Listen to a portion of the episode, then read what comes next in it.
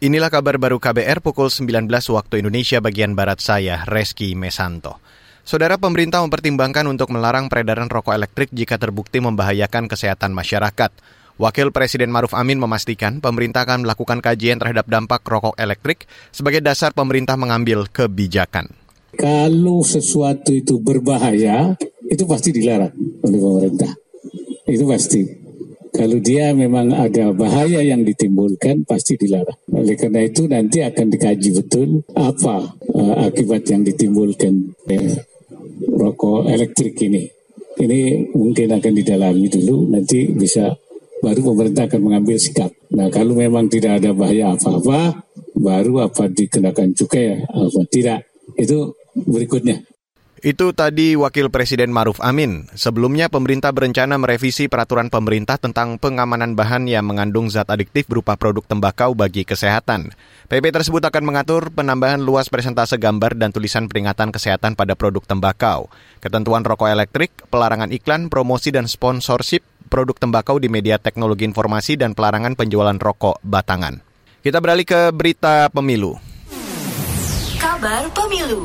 Kabar pemilu. Markas Besar Kepolisian memastikan akan menindak tegas segala bentuk tindakan penyebaran berita bohong atau hoax, ujaran kebencian maupun polarisasi politik SARA yang memenuhi unsur pidana menjelang dan selama pemilu 2024. Kepala Biro Multimedia Divisi Humas Mabes Polri, Gatot Repli Handoko memperkirakan, serbuan informasi terkait pemilu dan Pilpres 2024 di media sosial tidak akan jauh berbeda dengan pemilu sebelumnya. Punya patokan, pasti tidak jauh beda dengan pemilu sebelumnya. Mau nggak mau kita akan berhadapan dengan anumius gitu loh. Itu yang harus kita uh, take down atau report abuse terus. Nah, kecuali yang berkaitan dengan pidana, ya itu kita profiling. Kita profiling itu jadi bukti, itu yang kita kirim ke teman-teman eh, teman-teman di uh, cyber untuk dilakukan uh, penegakan hukumnya. Karena kalau uh, pembiaran didiamkan itu jadi pembenaran Kepala Biro Multimedia Divisi Humas Mabes Polri, Gatot Repli Handoko menambahkan, kolaborasi antar kementerian dan lembaga harus ditingkatkan menghadapi pemilu 2024.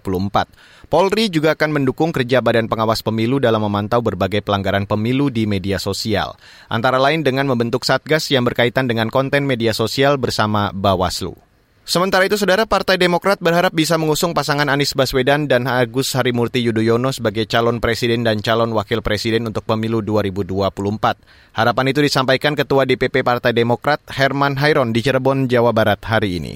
Kalau bagi kami di Demokrat, ya tentu harapannya Anies Ahaye. Karena juga Mas Ahaye punya elektabilitas, punya infrastruktur partai, punya sumber daya manusia, punya kekuatan di lapangan dan menurut saya paripurna lah sebagai calon wakil presiden.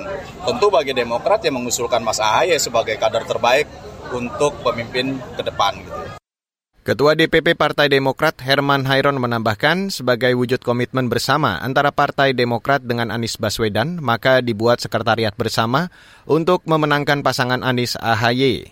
Herman mengklaim antara Partai Demokrat, Nasdem, dan PKS juga terus berkomunikasi dan melakukan konsolidasi untuk memperkuat pencalonan pasangan Anies AHY. Demikian kabar baru yang dipersembahkan oleh KBR, saya Reski Mesanto.